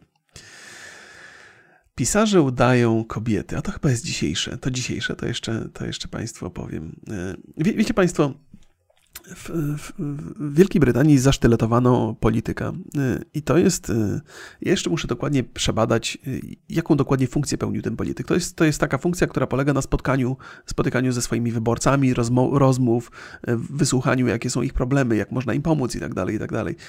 Oni, ci, to się jakoś konst constituent nazywa czy coś. Nie do końca rozumiem e, tą nomenklaturę brytyjskich polityków. Wiem, że tam są dwie izby, natomiast czym dokładnie się politycy zajmują, jakie są takie funkcje i te kontakty z ludźmi, to jest dla mnie coś nowego, więc muszę jeszcze dokładnie przebadać to, ale nie, nie muszę się spieszyć, ponieważ ta sprawa jest w toku, ten zasztyletowany polityk. Nie wiem kto go i dlaczego, e, o tym pewnie się dowiemy z czasem. Może mi to umknęło, ale wydaje mi się, że to cały czas trwają e, jakieś analizy na, na, ten temat. Mm, dużo się rozmawia o tym, jak, jak zabezpieczyć tych ludzi przed ewentualnymi atakami, że to się nie zdarza zbyt często, że pięć lat temu podobny, podobny, po, podobna tragedia miała miejsce, ale wtedy jakiś taki ultraprawicowy e, facet zasztyletował jakiegoś tam liberalnego polityka. E, więc, więc to się zdarza, ale niezbyt często. Zatem ci ludzie, ci politycy w kontaktach ze swoimi wyborcami nie są przesadnie chronieni, żeby, żeby nie ograniczyć tego kontaktu, żeby, go, żeby mu nie, nie przeszkadzać. Ta, ten, ten kontakt taki bezpośredni jest bardzo ważny, to jest część ich działalności, więc też są za, narażeni na ataki, ale do tej pory tych ataków często nie było. No i tak sobie słucham informacji na ten temat, przerabiam to sobie w głowie i oczywiście mm, pojawia się taka, taka informacja, że jakby jest, jest bardzo drastyczny wzrost agresji y, pośród ludzi, który się wiąże z polaryzacją poglądów. I to jest coś, o czym opowiadałem wiele razy, i Państwo też pewnie mają dużo przemyśleń w tej materii. Ludzie się różnią poglądami do tego stopnia, że zaczynają być agresywni wobec siebie. I to mi zwróciło uwagę na inną historię, z którą y, teraz niedawno miałem kontakt, y, by poszerzyć tę opowieść, a może niekoniecznie. E, szef Netflixa musiał się, musiał się tłumaczyć z, z ostatniego stand-upu Dave'a Chappella, ponieważ ten stand-up jest uważany, cytuję, bo sam się na Twitterze do mnie, znaczy ja w takiej dyskusji gdzieś tam się zagłębiłem, ale tylko na chwilę na szczęście, że mm, stand-up Dave'a Chappella jest homofobiczny i jest nienawistny i wzbudza takie uczucia. Zatem szef Netflixa został oskarżony o to, że publikacja tego stand-upu może powodować agresję w społeczeństwie, że ludzie wobec siebie będą się zachowywali agresywnie, że to się może przenieść na grunt społeczny, nie tylko werbalny, ale także e, na, na, na, na fizyczny jakieś działania. No i ten szef, szef Netflixa odpowiedział, że wielokrotnie już udowodniono, że to, co widzimy na ekranach, nijak się ma do naszego życia. Że najbardziej agresywne są gry komputerowe, gdzie ludzie strzelają do siebie, ale nie zdarza się, by przenosili tę agresję na, na, na ulicę. Oczywiście za każdym razem, kiedy mamy do czynienia z jakąś strzelaniną, to dziennikarze szukają jakiegoś związku między grami komputerowymi i, i tym strzelcem. Najczęściej strzelec grał w jakieś gry komputerowe, bo kto dzisiaj w gry komputerowe nie gra, zwłaszcza jak jest młody. Więc próbuje się tam pozyskać, próbuje się tam e, jakby zbudować jakieś powiązanie, co jest totalną bzdurą, e, bo jednak ilość takich morderstw przy użyciu broni palnej wedle tego badania, do którego sięgam, wedle tego, tego reportażu yy, i wedle tego, co powiedział CEO Netflixa, no, że jest mniej tych takich przypadków, a gier jest coraz więcej, więc gdyby teza, że gry powodują agresję, miała się sprawdzić, no to dzisiaj agresji musiało być znacznie więcej niż, niż, niż kiedyś w przyszłości. A to chyba nie ma miejsca. E, co nie jestem pewny dokładnie, bo samych badań nie, nie sprawdzałem, spra odnoszę się tylko do słów tego CEO. Więc, więc szef Netflixa wykorzystał sobie słowa, wykorzystał sobie trochę przykład gier komputerowych, by chronić swoje podejście i by chronić Dave'a Chappella przed usunięciem z tego Netflixa. I oczywiście trudno się z tym nie zgodzić. To jest, to jest oczywiste, my potrafimy odróżnić rzeczywistość wirtualną od prawdziwej i naprawdę trzeba takiegoś totalnego świra, żeby, żeby się pogubił w tym. A naj, największe przypadki agresji, jakiegoś takiego terroryzmu, wręcz terroryzmu, to wy, wywodzą się ze środowiska inceli, czyli ludzi, którzy, młodych ludzi, którzy mają bardzo duże problemy z nawiązaniem relacji z kobietami. I gniew wobec kobiet często jest wynikiem jakichś, jakichś takich terrorystycznych zachowań. To też Państwu opowiadałem, że przynajmniej w Wielkiej Brytanii bada się, yy, znaczy określa się środowiska inselskie, które się zbierają gdzieś tam w internecie, za potencjalnie terrorystyczne i ma to duże uzasadnienie. Więc to jest dużo większy problem, to, że mężczyźni, mężczyźni którzy nie potrafią nawiązać relacji z kobietami. Żartowałem, że w mojej młodości to się nazywało powołanie, ale tak naprawdę no, byli ludzie, którzy, którzy mieli z tym problem i uznawali pewnie w, w jakimś momencie, że no, takie życie, no, no trudno, no, z jakiegoś powodu kobiety nie są mną zainteresowane, trzeba się z tym pogodzić. Nie trzeba od razu kupować broni i strzelać do dzieciaków w szkołach czy, czy, czy, czy na ulicach. A propos strzelania teraz w Norwegii, jakiś łucznik yy, cztery kobiety zastrzelił z łuku jednego mężczyznę. Jak zobaczyłem sobie na te proporcje, to uznałem, że to pewnie też jakiś incel. To też to był e, to jest też historia, którą mogę Państwu dokładniej opowiedzieć, ale zrobię to pokrótce, bo o czym innym chciałbym. To był chyba, zdaje się, jakiś Duńczyk, który przeszedł na islam i w Norwegii urządził sobie teren łowiecki. W, jakimś takim, w jakiejś takiej małej miejscowości, gdzie ludzie totalnie się nie spodziewali czegoś takiego. No i tam zatrzymali go ostatecznie po jakiejś konfrontacji z policją. I sprawa chyba też jest rozwojowa, też będę się jej przyglądał dokładniej. Być może jeszcze Państwu kiedyś opowiem coś na ten temat. No, ale też mi się wydaje, że to też był jakiś insel. W ogóle przejście na, na islam yy, wpisuje się bardzo w ten scenariusz inselowski, ponieważ tam zależność mężczyzn i kobiet jest bardzo nakreślona wyraźnie kulturowo, więc yy, zakładam, że inselowi jest dużo łatwiej w krajach islamskich. Ale to jest taka, to jest tam, wiecie, na chłopski rozum. Szukanie, szukanie jakiegoś sensu w tym, co jeszcze nie zostało w jakiś sposób wyjaśnione, więc, więc jak mówię, będę się przyglądał sytuacji. Tak czy inaczej, ta, ta agresja gdzieś się przenosi na tę ulicę i ona, ona wynika z tej polaryzacji poglądów. I mój wniosek jest taki, że, że kiedyś, yy, parę lat temu, kiedy jeszcze zaczynałem przygodę na YouTubie, to miałem wrażenie, że głównym sprawcą tej polaryzacji i agresji jest telewizja. Te komunikaty, które są prze, prze, przekazywane przez telewizję, zwłaszcza takie te, przez takie telewizje, które mają skrajne punkty widzenia i walczą ze sobą. Ale dzisiaj, tak patrzę na, na internet i patrzę na telewizję, to myślę sobie, że jeżeli mamy polskie warunki, mamy takie TVP i TVN, to nawet ludzie, którzy oglądają te media, to nie traktują ich super poważnie. To znaczy, zdajemy sobie sprawę, że oni mają jakieś tam poglądy, ale że te wizje są mocno naciągane, jest nakręcana jakaś, jakaś, jakaś niechęć i, I jesteśmy do, do pewnego stopnia na, na, to odporni. Znaczy, nikt już chyba telewizji nie traktuje super serio, chyba że nie ma dostępu do internetu totalnie, no to, no to jest skazany na to, ale takich ludzi jest coraz mniej jednak. Więc, więc no jest ta telewizja, coś tam sobie mówią, ale może to jest po raz kolejny jakaś moja bańka, ale nikt w moim bezpośrednim, ani nawet pośrednim otoczeniu nie traktuje TVN-u i TVP poważnie. No są, to, są to jakieś telewizje, coś tam sobie mają do powiedzenia, czasami warto posłuchać jednych albo drugich, ale nic mądrego z tego nigdy nie wynika.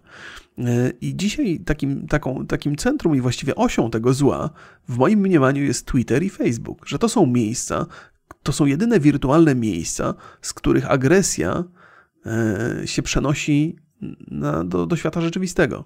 Że ani gry komputerowe, ani filmy, ani brutalne seriale nie są takim czynnikiem budującym agresję, jak robi to Twitter i Facebook. I to, to są dwa miejsca, które są największym zagrożeniem obecnie dla, dla ludzi, dla ludzkości, w ogóle dla młodzieży też, zwłaszcza dla młodzieży.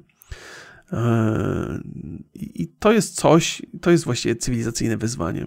Eee, I, i, I Facebook i Twitter są takim przejawem niezwykle e, zaawansowanego rozwoju technologicznego, za którym nie nadąża nas, nasz rozwój społeczny. Parę razy o tym gdzieś tam sobie opowiadałem zupełnie luźno, że tak długo jak rozwój technologiczny jest równoległy z rozwojem społecznym, to jesteśmy w stanie to ogarnąć.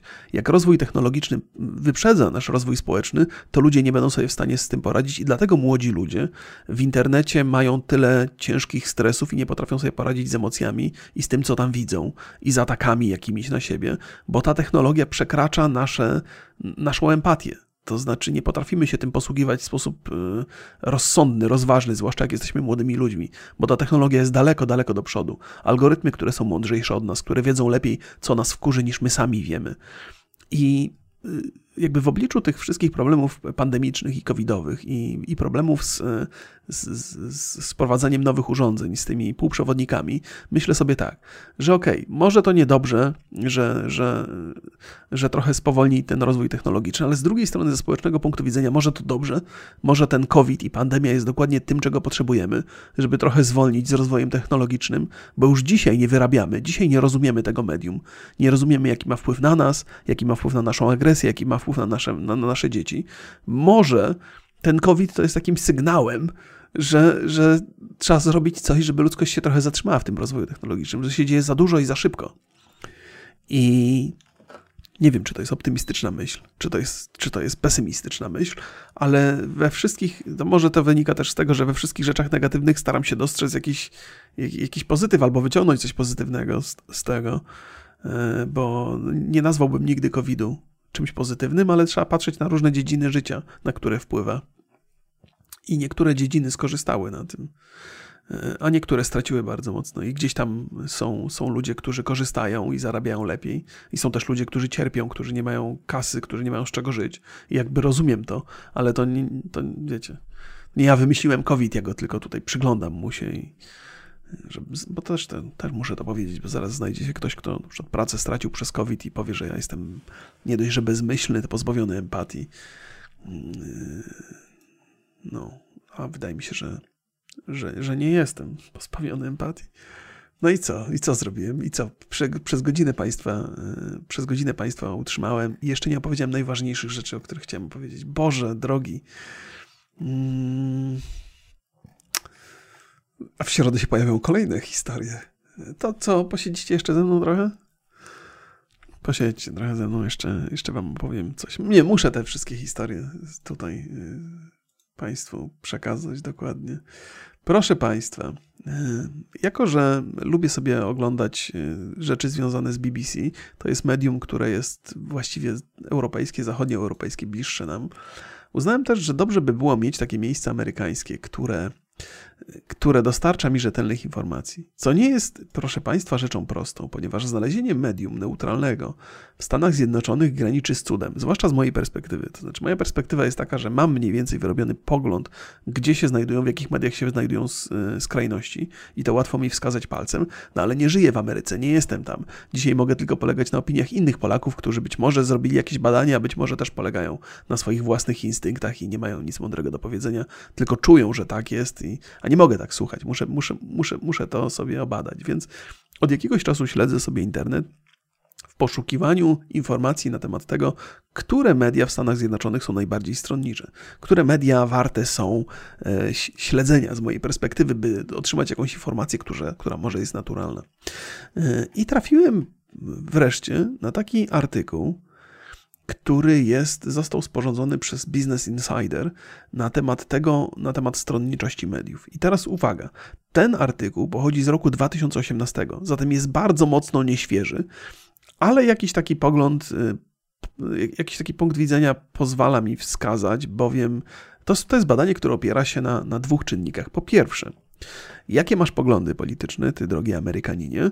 Po drugie, które media wydają ci się stronnicze, a które nie. Zatem podzielono sobie y, ankietowanych na, na republikanów i demokratów i poproszono ich o wskazanie stronniczości mediów. No i oczywiście tam są takie rzeczy oczywiste, jak y, chociażby Fox News, który ma minus 51 punktów, jeżeli chodzi o, o, o bezstronność, czyli jest bardzo stronniczy.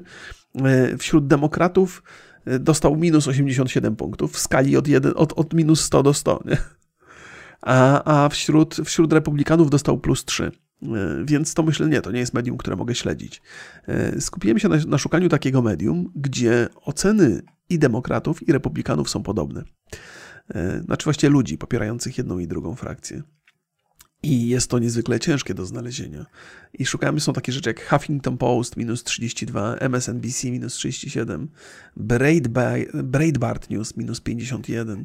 I albo w jedną stronę ciągną, albo w drugą. CNN ma minus 27, ale republikanie uważają, że mają, że dają tam minus 87 punktów, a demokraci plus 29. Więc to nie jest miejsce, którego powinienem, którego powinienem szukać, z którego powinienem szukać informacji. Zaciekawiło mnie takie, takie medium, które nazywa się Mother Jones. Nie słyszałem o nim nigdy wcześniej, ale tutaj tak republikanie, jak i demokraci uważają, że to jest E, że to jest stronnicze. I u jednych mają minus 29 punktów i u drugich mają minus 16, a to wskazuje na to, że jest duże prawdopodobieństwo, że oni jednak są neutralni. Jeżeli jedna i druga strona jest niezadowolona z informacji, jakie otrzymuje, to znaczy, że tam, e, że w tym medium dużo ważniejsza jest rzetelność niż zadowolenie swoich klientów, niż zadowolenie czytelników. To jest ciekawa rzecz. Jest też Vox, który, ma, który podobnie jest y, oceniany na, na minus 5, minus 16 przez obie strony, więc Vox jest kolejnym miejscem, które potencjalnie może być rzetelne, ponieważ ani jedni, ani drudzy nie są przesadnie zadowoleni. Ale ostatecznie sięgnąłem po. Yy, po co sięgnąłem?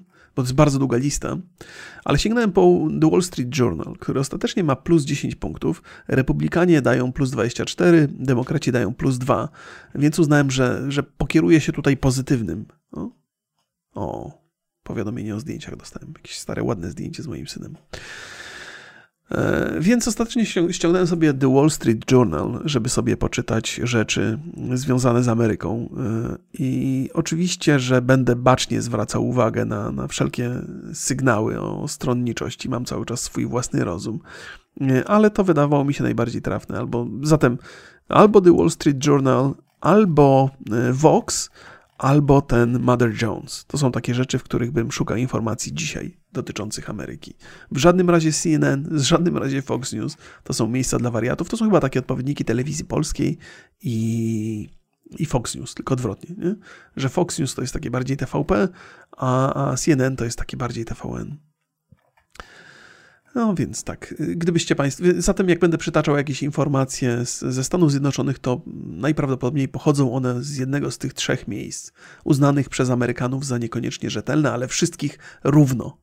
Czyli wszyscy Amerykanie uważają, że to nie jest przesadnie yy, wiarygodne. I stąd też pochodzi, nie, zaraz, o czym to, jak opowiadałem Państwu o, o tych... Yy, o tych różnicach w płacach, to właśnie z Wall Street Journal pochodził, pochodził artykuł. Yy, to jest, to jest w ogóle taki punkt zapalny, nie? rozmawianie o różnicach w płacach. Ja wiem, że pewnie jednej i drugiej grupie się na, narażę. Powiem Państwu, że jakby z reguły nie mam lęku przed wypowiadaniem swoich myśli, natomiast muszę trzy razy się zastanowić, zanim wypowiem jakieś zdanie. Kiedy powiem, że kobiety nie są, że kobiety w biznesie są czymś nowym, z perspektywy ostatnich 30 lat, to zanim powiedziałem to zdanie, to się trzy razy zastanowiłem, kto tu się może wkurzyć na mnie i dlaczego. I nie dlatego, że ktoś mnie zaraz na Twitterze zaatakuje, że ja tutaj jestem niechętny wobec kobiet albo, albo gdzieś, bo to mnie akurat nie rusza zupełnie. Natomiast. Yy, Boże, z jakiego powodu? No, moim celem nie jest wkurzanie kogokolwiek. To jest, to mogę Państwu zagwarantować, że jeżeli przychodzicie na mój podcast, to, to nie chciałbym, żebyście go skończyli oglądać, słuchać wkurzeni. Nie takie są moje intencje. Nie zależy mi na tym, żeby kogoś wkurzać, chociażby miał potem częściej przychodzić na ten podcast. Mój podcast jest po to, żeby opowiedzieć Państwu różne historie, najchętniej w sposób optymistyczny, chociaż nie da się tego zrobić zawsze, bo świat jest jaki jest, ale po to, by, by wprowadzać jakąś neutralność, a nie a nie w, w, wkurzanie. I też, żeby nie było, nie, nie, jestem symetrystą. Cokolwiek by to nie znaczyło, to ja nie mam tutaj jakiegoś, jakiejś silnej potrzeby żeby państwa godzić za wszelką cenę i albo żeby wszystkich być wyrozumiały wobec wszystkich. Czasami się zdarzają takie sytuacje, gdzie jestem skrajnie yy, przeciwny, jak chociażby ta, ta legalizacja prostytucji w Hiszpanii, znaczy właściwie cofnięcie legalizacji prostytucji w Hiszpanii.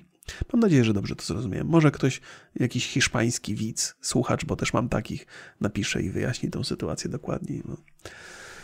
Proszę Państwa, czy Państwo chcą przelecieć ze mną jeszcze y, bieżące informacje y, ze świata? Spróbujmy to zrobić szybko, bez angażowania się w jakieś dłuższe dyskusje. Y, wiedzą Państwo o powodziach w Chinach na pewno. W Indiach też zdarzają się powodzie i są to powodzie zatrważające. I w jednym i w drugim kraju. O Chinach wiemy, że są w Chinach, natomiast nie mamy dużo informacji. Tam Źródłem informacji są przede wszystkim chińskie media, a te nie dopuszczają zbyt wiele swobody w wypowiedziach tego typu. Jeżeli ludzie cierpią, to pewnie się im pomaga, ale raczej się nie mówi o tym głośno, że, że cierpią, bo to świadczyłoby niedobrze o partii, że nie byli przygotowani na powódź czy coś. No ale w Indiach, e, w Indiach e, ta powódź już jest taka bardziej dostępna dla, dla publiczności na świecie i dzieją się tam rzeczy straszne. Po raz kolejny e, mówi się o tym w kontekście zmian klimatycznych, podnoszenie się poziomu wody, i tak dalej, i tak dalej, że, że jest to efekt tych zmian klimatycznych i coraz mniej osób podważa tego typu teorie, co chyba jest dobre.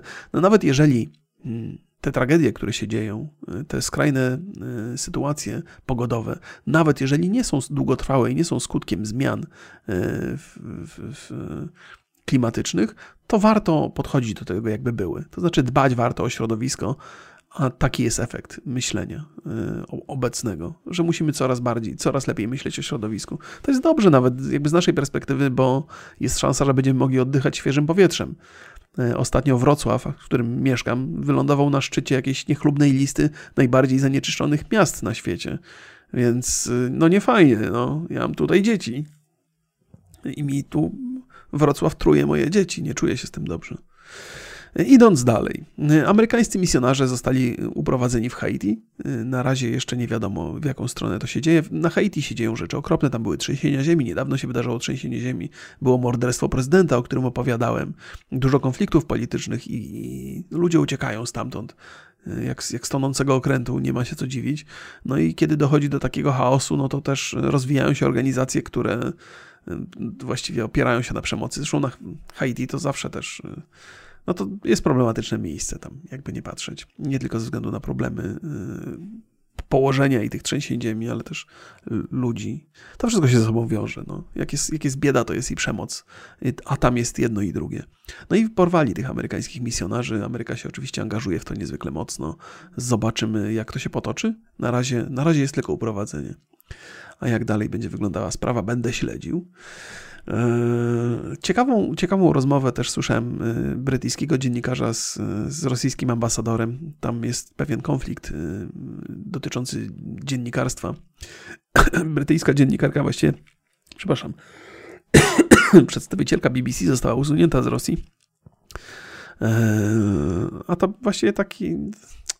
No, też by dużo gadać. To, to, to, to było. To było taka, taka głębsza sprawa trochę.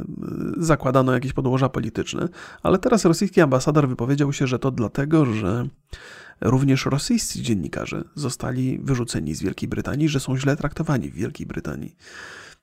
Z Rosją to nigdy nic nie wiadomo. Ja bym Brytyjczyków nie podejrzewał o to, że traktują źle dziennikarzy, no ale czasami zdarza się. Chyba ostatnio Ziemkiewicza nie wpuścili do Ziemkiewicz był, nie wpuścili go do Wielkiej Brytanii, bo jego wypowiedzi nie, nie pasują do brytyjskiego światopoglądu. Może to jest ten rodzaj traktowania. Eee, tam jest dużo szpiegostwa ze strony Rosji, jakieś tam morderstwa miały miejsce. Eee, Rosjanie są dosyć elastyczni, oni potrafią potrafią wszelkie oskarżenia e, tego typu zamieniać właśnie w jakieś takie łagodne, że a, wyrzucono rosyjskich dziennikarzy. Ale to, że ci dziennikarze mogli być na przykład zaangażowani, właściwie, że są dziennikarzy nazywani tylko w cudzysłowie, a byli zaangażowani w jakieś sprawy związane ze szpiegostwem, o czym się głośno nie mówi, no bo, no bo po co psuć e, na arenie międzynarodowej relacje. No więc ja tam jakby Rosjanom w tym, w tym względzie nie ufam, ale, ale to twierdzi brytyjski, to, to twierdzi rosyjski ambasador Wielkiej Brytanii, że skoro Brytyjczycy wyrzucają ich dziennikarzy, no to oni wyrzucają dziennikarkę e, brytyjską i taka to jest akcja i reakcja. Więc, e, więc tak to wygląda, ale muszę przyznać, że jakby bezczelność tego rosyjskiego ambasadora e, trochę mnie, trochę mnie ukuła. To też jest tak, no jak jak jest, jest mocarstwo, nie? niezależnie od tego, jakim mocarstwem dzisiaj Rosja, Rosja jest, to jest trochę, to jest coś charakterystycznego także dla czasami polskich polityków partii rządzącej, że oni wiedzą, że mają władzę w taki sposób niepodważalny i czasami w relacjach z dziennikarzami w taki bezczelny sposób się wypowiadają. Ten rosyjski ambasador powiedział tak, że na pytanie brytyjskiego dziennikarza, dlaczego powodem usunięcia dziennikarki z Rosji jest, są jakieś działania szpiegowskie czy zagrożenie dla Federacji Rosyjskiej, na to, bo, bo, ta dziennikarka takie usłyszała na granicy, że zostaje wydalona, ponieważ stanowi zagrożenie dla Federacji Rosyjskiej. Więc pyta dziennikarz tego ambasadora, ambasador opowiada, a słyszał pan to? Żeby tak, słyszał pan to, jak to zostało powiedziane? Dziennikarz, no... No jak słyszał, no nie było mnie na miejscu, nie? Już tego nie powiedział, zadał inne pytanie, ale to jest coś takiego, że wiadomo, że dziennikarze są różni w różnych miejscach i to nie jest tak, że 30 dziennikarzy stoi na granicy rosyjskiej i czekają na wydalenie dziennikarki, żeby wysłuchać uważnie oskarżeń w jej stronę. To jest jej sprawozdanie. Z jej sprawozdania wynika, że została oskarżona, że stanowi zagrożenie dla Federacji Rosyjskiej, przekazała to dalej. Dziennikarz pyta ambasadora rosyjskiego, on go pyta, pan to słyszał osobiście? No i walcz tu z takim, no. No to jest, to jest ten poziom bezczelności. Jakby w normalnych warunkach, gdyby polityk został taki neutralny polityk, który wie, że trzeba pewien poziom prezentować podczas wywiadów, to by powiedział, to ciekawe, co pan mówi. Nie słyszałem o niczym takim. Spróbuję się dowiedzieć. Nie? Albo, albo nie wydaje mi się to prawdopodobne, ale, ale, ale spróbuję się dowiedzieć. Nic, nic o tym nie słyszałem wcześniej. Jest to dla mnie zaskakujące. Nie? Jest to dla mnie zaskakujące i niewiarygodne. To znaczy, że, że, że polityk oczywiście zaprzecza tej tezie, ale w sposób kulturalny wyciąga rękę, jakby wykazuje się jakimś zrozumieniem. A takie pytanie, a słyszał pan to osobiście? To jest takie bezczelne, to jest takie jakby kłamanie trochę prosto w oczy i to mi się nie podoba. E, chociaż może z drugiej strony taka bezczelność jest odświeżająca. Wszyscy wiedzą, że politycy kłamią, więc ci, którzy kłamią prosto w oczy, być może wydają się bardziej e, prawdziwi, bardziej wiarygodni. Nie wiem, nie wiem. Nie lubię takiej bezczelności, nie lubię, nie lubię, nie lubię. Mamy coś na Węgrzech, e, bo wybory są w przyszłym roku. W kwietniu od 12 lat Viktor Orban rządzi, e, ale jest Peter Markizaj, czyli naj, naj, naj, najbardziej e,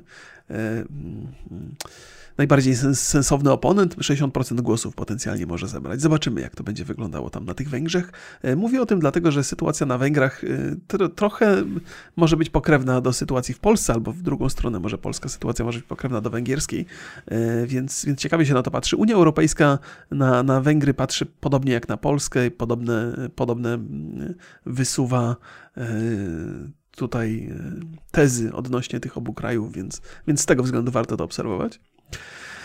E, ciekawa historia o tym, że trzech mężczyzn podawało się za kobietę pisząc książkę, książkę, która została nagrodzona e, hiszpańską e, nagrodą Premio Planeta się nazywa ta nagroda. Dostali w nagrodę milion euro, więc bardzo, bardzo ważna nagroda literacka.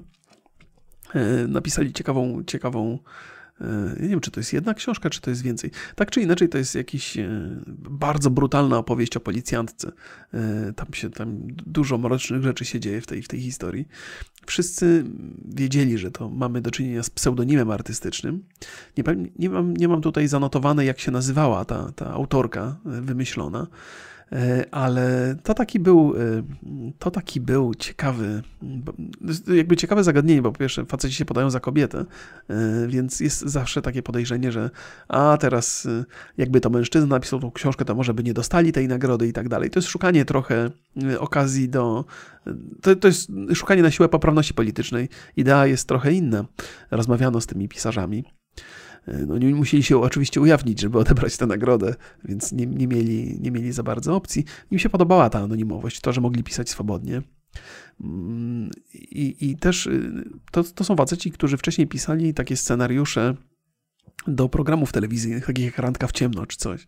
Więc tym razem mam, mam, wzięli się za poważną literaturę.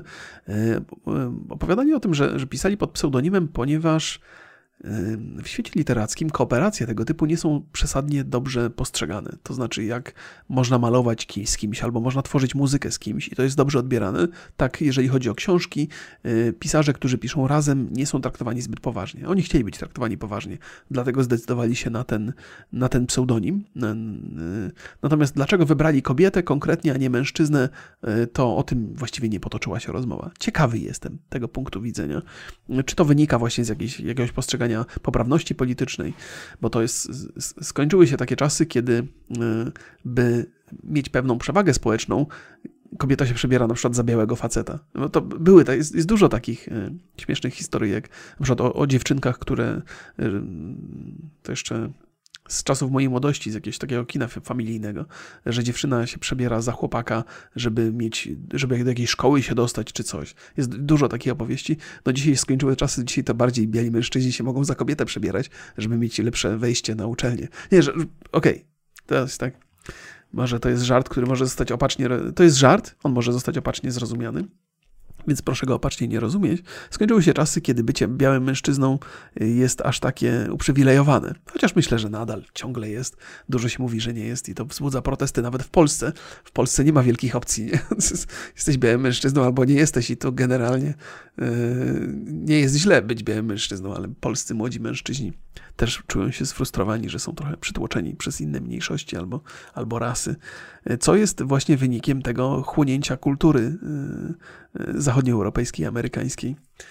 Więc nie ma żadnych przesłanek realnych, by tak myśleć o swoim życiu ciężkim białego mężczyzny w Polsce, ale, ale, ale tak się patrzy. Może to w Polsce też się pojawi kiedyś.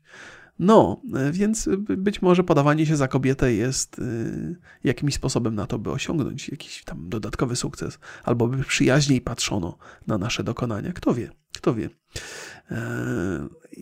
To chyba raczej nie wynika z potrzeby społecznej, tylko z, takiego, z, takiej, z takiej rzeczy, że dużo instytucji chce uchodzić za progresywne. I te instytucje, które dają nagrody, które dają jakieś stypendia, e, firmy, które produkują rzeczy, w sposób w jaki się reklamują, wszyscy chcą być super progresywni i czasami wykraczają poza potrzeby społeczne.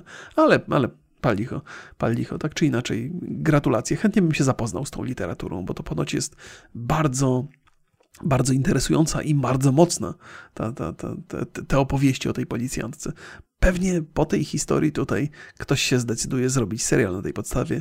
Mam nadzieję, że nie Hiszpanie, bo po, po, po tym, co oglądałem w domach z papieru, to, to, to nie mogę. Hiszpańskie seriale już mi się kojarzą z, tak, z taką skrajną głupotą, że, że nie jestem w stanie tego oglądać. A to jest przykre bardzo, bo przed domami z papieru oglądałem wiele hiszpańskich filmów, które były niezwykle zajmujące, bardzo mądre i wnikliwe.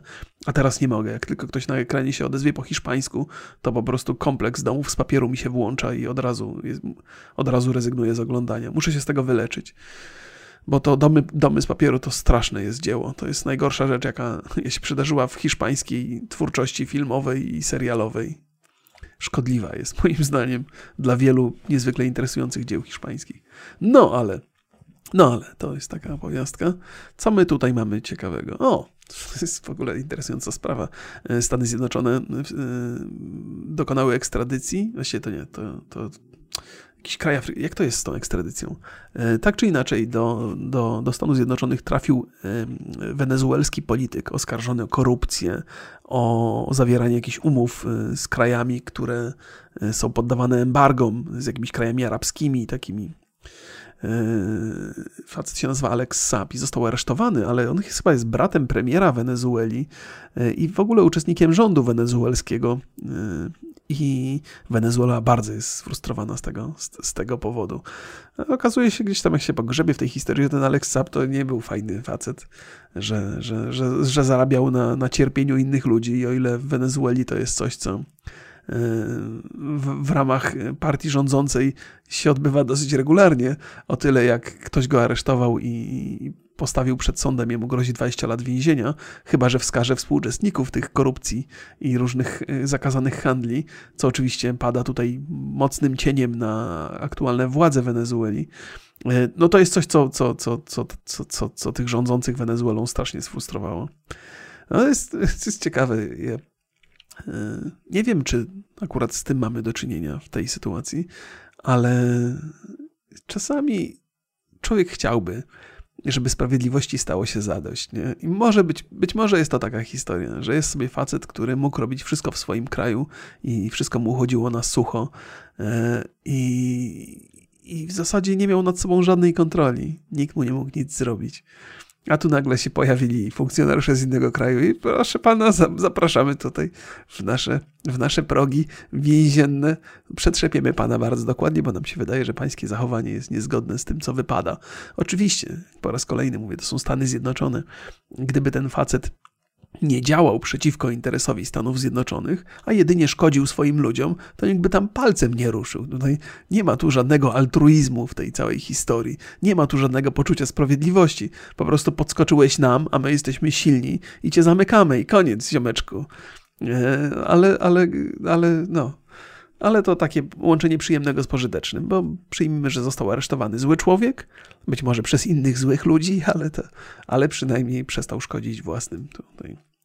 A może nie, może to był bardzo szlachetny dżentelmen i pomagał ludziom i, i w Stanach Zjednoczonych to się nie spodobało i postanowili go zamknąć. Kto tam wie, kto tam wie. O Jezu, to jest, nie wiem, czy to Państwa chce zostawiać z tą, z tą historią. Och, święty Jezu. Ale chyba zostawię Państwa ze złą historią. W Stanach Zjednoczonych facet e, zaatakował kobietę w, przecia- w, w przedziale, w którym byli ludzie, na korytarzu byli ludzie i nagrywali to telefonami. I nikt nie podniósł palca w jej obronie, nikt nie zadzwonił na policję. On ją napastował, molestował, gwałcił. To trwało przez 8 minut. I nikt nic nie zrobił, nikt się nie ruszył. I to jest coś, co jest totalnie przerażające. Jakby ja próbuję się, nie, nie wiem, nie wiem, znaczy z polskiej perspektywy chyba się tego nie da ocenić. Ja nie wyobrażam sobie, żeby coś takiego miało, mogło mieć miejsce w Polsce, ale kto wie. Zakładam, że ci wszyscy ludzie dookoła byli przerażeni tą całą sytuacją. To nie, jest, to nie są rzeczy, które oni widzą na co dzień być może i ich zamurowało. Może się sami bali tego faceta. E, ale żeby też nikt nie zadzwonił, to nie wiem, no to już w takim skrajnym przypadku, gdybym się bał zainterweniować, bałbym się o swoje życie, no to pewnie bym wyszedł z przedziału i zadzwonił na policję, albo, albo bym pociągnął za hamulec. Nie, już, już jak sobie przyjmę, że, że jestem totalnym tchórzem i nie wiem, jak się zachować i boję się, no to e, raczej bym się chyba ruszył. Raczej bym zadzwonił. Pewnie bym pociągnął. To jest pierwsza rzecz, jaka mi przyszła do głowy. Pociągnąłbym za hamulec bezpieczeństwa. E, tak, żeby ludzie, którzy no, no, żeby obsługa pociągu chociaż się zorientowała, że coś tu się wydarzyło.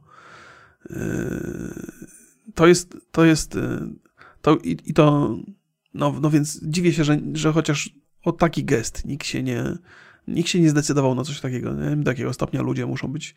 A to, że, że byli ludzie, którzy mieli telefony w rękach i nagrywali całą sytuację, pewnie się pojawią nagrania w internecie, to jest, to jest jakieś dziwne. W sensie, rozumiem pe pełen paraliż, że stoisz, jesteś zamrożony i nie jesteś w stanie się ruszyć, ale że sięgasz po telefon, odpalasz kamerę, nagrywasz to, być może ci w głowie pojawia się myśl, że nagram, po, po, pokażę policji i na pewno go złapią. No, że, że jest taki sposób myślenia, nie? że, że okej, okay, nic nie robię, ale przynajmniej będą dowody, że coś się wydarzyło. Że, że to ludziom wystarczyło, przy, spróbujmy trochę poszukać jakichś e, pozytywów, w tym się znaleźć nie da, ale spróbujmy trochę, trochę tych ludzi zrozumieć, którzy tam byli. Chociaż też uważam, że to na siłę, że,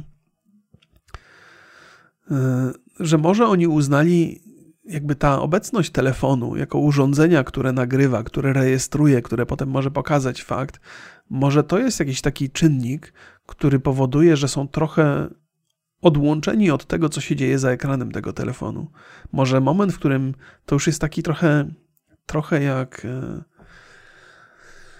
instynkt jakiś taki, że podnoszę telefon, zaczynam nagrywać i czuję się bezpieczny tutaj, w tym momencie. Że ten szok, który następuje w wyniku bycia świadkiem takiego zdarzenia, e, wymusza na dzisiejszym pokoleniu, no, na, na tym, jacy są obecni ludzie, nie wołanie o pomoc, nie jakąś interwencję, ale wymusza zasłonięcie się telefonem, że telefon dał poczucie bezpieczeństwa.